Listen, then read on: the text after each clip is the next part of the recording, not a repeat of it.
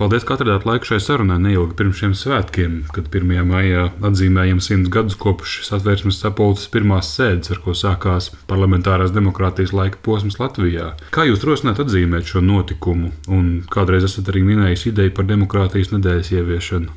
Jā, demokrātijas um, nedēļas ideja radās Tad, kad pie manis šeit eh, bija sapulcējušies sabiedrības pārstāvji pagājušā gada novembrī, kad mēs runājām par Latvijas demokrātiju, kā to attīstīt, un šeit arī bija tāda ideja, ka vajadzētu taču demokrātiju svinēt un atzīmēt ne tikai valsts dibināšanu, mums ir 18. novembris, valsts atjaunošana, 4. maija, bet eh, kāda ir šī valsts? Šī mūsu valsts ir demokrātiska, un to arī vajadzētu īpaši atzīmēt. Un, uh, ļoti labi e, sakrīt, ka šogad, 1. E, maijā, ir simt gadi kopš pirmo reizi sanāca brīvi vēlētais e, Latvijas parlaments, satversmes sapulce. Nu, tādēļ arī šogad mēs svinēsim demokrātijas nedēļu, kas sākās 1. maijā, tātad Latvijas parlamentārismu, demokrātijas simti gadi, tad 4. maija Latvijas valsts atjaunošana un 9. maija Eiropas diena. Un tie visi sajiet kopā, tie ir sazobē šie e, trīs datumi. Tātad demokrātija, tātad valsts atjaunošana, respektīvi valsts. Un Eiropa. Mēs esam Eiropas demokrātija, Eiropas valsts, Eiropas demokrātija. Un tādēļ arī šī doma par demokrātijas svinēšanu. Mums bija doma to varbūt citādākā, tiešākā veidā darīt, bet nu, eh, apstākļi spiež mūs arī šādā online režīmā, un eh, to mēs katrā ziņā atzīmēsim. Runājot par eh, satversmes sapulces būtiskāko veikumu, satversmes izveidi vairāk kārt ir dzirdēts replikas, ka tā ir uzbūvēta gudri. Nevelti vēl šobrīd darbojas tajā ierakstītie valsts varas principi par saimas valsts prezidenta un ministru kabineta darbu. Tā ir parlamentārā demokrātija, tipiska. Eh, lielākajai daļai Eiropas valstīs ir parlamentārā demokrātija. Un eh, prezidiālā demokrātija ir raksturīga vairāk Amerikas kontinentu valstīm, eh, Āfrikas valstīm. Bet Eiropā ir vairāk raksturīga parlamentārā demokrātija un mūsu satversmes tēvi Daļa bija studējuši piemēram Šveicē vai, vai citur Rietumē Eiropā, un tāpēc tie domāja, nu, mums latviešiem arī der labāk parlamentārā demokrātija. Un es domāju, ka tas ir arī diezgan gudri, jo eh, latvieši nav paraduši uzticēt teiksim, visu lietu kārtošanu vienam cilvēkam, kurš eh, tad, eh, kā sakot, pieņem pareizos lēmumus. Mūsu parlamentārā sistēma ir koleģiāla. Tātad parlaments simts deputāti, tad ir valdība, kurai ir eh, padota valsts pārvalde, un valsts prezidentam, kuram ir tikai atsevišķas funkcijas, bet eh, politikas centrs ir parlaments un valdība. Vai kādreiz pētnieciskos nolūkos esat salīdzinājis Latvijas un eh, abu pārējo Baltijas valstu satversmes? Jā, protams, es patiešām esmu diezgan daudz arī ar salīdzinošām konstitucionālām tiesībām nodarbojies. Un, uh, Mūsu satversme, toreiz kāda to pieņēma, satura pamatprincipus, bet nav tik daudz izvērsti detalizēti regulējumi, kā tas ir jaunākās konstitūcijās, piemēram, 92. gadā pieņemtajā Igaunijas un Lietuvas konstitūcijā, arī tajā pašā gadā pieņemtas. Tātad eh, pamatprincipi ir labi, tie, tie kā sakot, nosaka virzienu. Bet dažās situācijās um, nebūtu slikti, ja būtu arī detalizētāka regulējuma, tā kā piemēram uh, šajā ārkārtējas situācijas regulējumā, kas mums pat labāk nav. Citās konstitūcijās tādi ir, un uh, tāpēc es domāju, varētu padomāt arī par šo. Tāpat arī uh, satversmē bija paredzēts toreiz 22. gadā pilsoņu tiesību daļa, kuru zinām iemeslu dēļ nepieņēma. Tas faktiski vienkārši varētu teikt, tāds negadījums, jo to atlika, to pieņemšanu, un beigās arī neatgriezās pie tās. 98. E, gadā pēc valsts atjaunošanas jau e, tika e, šī kļūda labota, un tagad mums ir arī satversmes 8. nodaļa, kas satura cilvēku un pilsoņu tiesības, moderna, moderna nodaļa. Tāpat arī satversmes preambula tika izvērsta 2014. gadā, kur ir valsts pastāvēšanas pamatprincipi e, noteikti. Kā tas ir daudzās modernās konstitūcijās. Tā kā es saku, lielie pamatprincipi mums ir, un mēs joprojām pēc tiem dzīvojam kopš 1922. gada, kopš satversmes pieņemšanas. Bet dažreiz prasās arī jauni, detalizētāki regulējumi, arī laika gaitā šāda vajadzība tiek atpazīta. Es, piemēram, domāju, ka attiecībā uz cilvēka brīvību, autonomiju, digitālās tehnoloģijas laikmetā būtu diskutējams arī šeit attiecīgs regulējums, kas nodrošina tomēr mūsu sakot, cilvēka brīvību arī šajā situācijā, kad daudzas lietas tiek regulētas digitāli, kur cilvēkam ir mazāk, mazāk teikšana, ja tā varētu teikt. Satversme līdz šim ir papildināta apmēram pārdesmit reižu. Jūsu vadībā pirms dažiem gadiem tapa arī satversmes preambula. Šīs sarunas kontekstā varbūt varat atgādināt, kas motivēja to veidot. Jā, tādēļ, ka valsti dibinot, toreiz cilvēkiem ir skaidrs, kādēļ ir, kādēļ mēs dibinām savu valsti, kādēļ mēs karojam eh, par savu valsti. Atcerēsimies, ka satversmes sapulce sanāca tikai dažus mēnešus pēc Latvijas pilnīgas atbrīvošanas. Un eh, varbūt vēl viens fakts, kas būtu jāmin.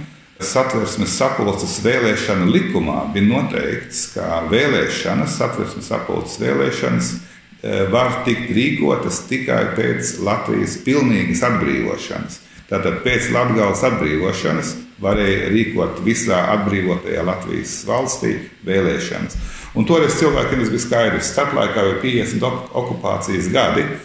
Eh, starplaikā arī teiksim, eh, doma par savu valsti eh, varbūt nebija tik, tik teiksim, tā, tā, pastā, tā bija, bet varbūt savā formā tā nebija tik skaidra, kā tas bija toreiz. Un tādēļ eh, modernas valstu konstitūcijas ne tikai tagad mūsu satversme pēc preambulas pieņemšanas paredz šādas preambulas, kurā ir noteikti valsts eksistences pamatprincipi. Un mums tāda nebija, un tādēļ es domāju, tas bija vienkārši šī eh, trūkuma aizpildīšana ar to, ka tagad katram ir izlasāms, kādēļ pastāv Latvijas valsts, kas ir šie pamatprincipi. Starp citu, viens no tiem ir tieši tas, ka mums ir demokrātiska valsts, ka mums ir tiesiska valsts, mēs esam nacionāla valsts. Un es teiktu, ka tas, protams, ir labāk, ka pilsonis var izlasīt savas valsts konstitūcijā, savas valsts pamatus. Un tas ir faktiski vispārējais trends, ja tā varētu teikt, modernās konstitucionālās tiesībās. Un mēs to samērā, eh, teiksim, tādā Speciālā veidā izdarījām, mums ir samērā veca konstitūcija, bet ar jaunu, ļoti modernu preambulu. Šajās dienās aprit arī vēl kāda cita apaļa gadsimta - 30 gadi kopš pilsoņu kongresa sanākšanas pirmajā sesijā 1990. gadā, 30. aprīlī. Pilsoņu kongresu veido ļoti daudz tiešās atmodas laika sabiedrisko un politisko organizāciju, aktīvu cilvēku, tostarp arī jūs. Kā jūs atskatoties novērtētu pilsoņu kongresa nozīmi 90. un 91. gada notikumos? Pilsoņu kongresām bija e, liela nozīme, un iespējams, ka pilsoņu kongresa nozīme pat labāk ir nedaudz e, piemirsta. Taču pilsoņu kongress e, bija tā organizācija, kura uzstādīja pareizos teiktu, uzstādījumus, noteikumus, uz kādiem ir jāatjauno Latvijas valsts. Eh, tā bija stingra un konsekventa nostāja par to, ka mēs turpinām 1918. gada 18. novembra eh, valsti. Kamēr, piemēram, nu, eh, bija arī cita nostāja, varbūt tāda vairāk uz kompromisiem orientēta, ka mēs dibināsim jaunu valsti uz Latvijas PSR bāzes. To varbūt liberālie komunisti, ja tā varētu teikt, vairāk pārstāvēja šo domu. Taču pilsoņu kongresa stingrā nostāja vēlāk e, tika pārņemta un, un 4. māja deklarācija par neatkarības atjaunošanu balstās tieši uz e, pilsoņu kongresa nostādnēm, kas jau bija iepriekš pieņemtas. Tāpat varētu teikt, ka notika 90. gada sākuma, 89. gada beigās jau pilsoņu reģistrācija. Tā bija, teiksim, brīvprātīga Latvijas pilsonības reģistrācija, jo toreiz ja cilvēkiem bija PSRS pases, un eh, tie, tās bija izdalītas, protams, arī Latvijas pilsoņiem. Un tikai Latvijas pilsoņi ir tiesīgi lemt par savu valsti. Un tādēļ bija šī reģistrācijas kustība, un vairāk kā 600 tūkstoši cilvēku arī reģistrējās kā Latvijas pilsoņi. Man arī ir vēl šī reģistrācijas apliecība. Es domāju, ka tas bija arī šis apziņas moments, kas tika parādīts. Mēs šeit esam Latvijas pilsoņi, kuri paši lems par savu valsts, par savas valsts atjaunošanu. Tādēļ es teiktu, ka Pilsoņu kongress bija tā organizācija, kura masveidā uzstādīja tiesiski pareizos uzstādījumus, lai atjaunotu Latvijas valsti.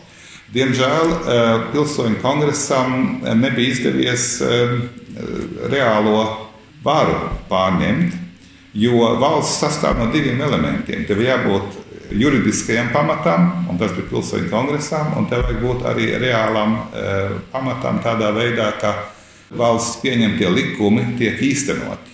Un e, šeit e, bija zināms nesaprašanās starp varbūt šo vienu ceļu un šo otru ceļu. Beigās augstākā padome, balstoties uz pilsoņu kongresa jau iepriekš, teiksim, intelektuāliem un juridiskiem uzstādījumiem arī atjaunoja Latvijas valsti. Nedaudz citādāk tas notika Igaunijā, kur abas organizācijas, tiksim, gan augstākā padome, gan pilsoņu kongress, uh, izveidoja vienu kopēju institūciju un kopēji atjaunoja uh, valsti. Tas, manuprāt, būtu bijis labāk. Bet, nu, bija tā, kā bija, bet beigās, protams, tā ideja jau dzīvo arī šodien. Šodien tālāk mēs esam atjaunotajā Latvijas valstī, kur ir dibināta 1918. Eh, gada 18. novembrī. Bet, principā, var teikt, ka Pilsoņu kongress deva idejas, ko varēja īstenot un īstenoja augstākā padoma Latvijas Tautas fronte. Jā, tā es to varētu piekrist. Tas tieši arī tā bija. Šie uzstādījumi bija jau diskutēti un nolēmti Pilsoņu kongresā, bet augstākā padome tos pēc zinām, procesa, tad arī patiešām īstenoja. Un 4. māja deklarācija ir konsekventa Latvijas valsts atjaunošanas idejas teksim, realizētāja. Es atceros arī lasīju to, ko jūs neielaidat Latvijā, kad bijāt ceļā no Vācijas uz Latvijas pilsēņu kongresa pirmo sesiju. Tā bija. Teiksim, es biju arī ievēlēts pilsoņu kongresā, bet, kad es toreiz varēju lidot tikai caur Maskavu, uz Maskavu es tiku. Bet, kad no Maskavas nolaidos Rīgā lidmašīnā, tad man uzreiz saņēma cietu. Un, un pēc kāda laika aizsūtīja atpakaļ uz Maskavu, un pēc tam izsūtīja uz, uz rietumiem atpakaļ. Un eh, man iedeva vēl tādu biļeti vietā, kur rakstīts, ir franču valodā deportē, deportēts. Tas ir izsūtīts. Šī biļete kaut kur man vēl ir, bet es neatceros, kur viņi ir. Bet eh, principā man jāsameklē. Jā. Un, protams, eh, jo Čeka jau bija protams, pamanījusi tas, ka varbūt mana darbība ir nu, pretrunā ar šīs padomu režīmu interesēm, un tāpēc tie nebija ieinteresēti, ka es piedalos pilsoņu kongresā. Šo svētku priekšvakarā jūs sazināties arī ar jauniešiem.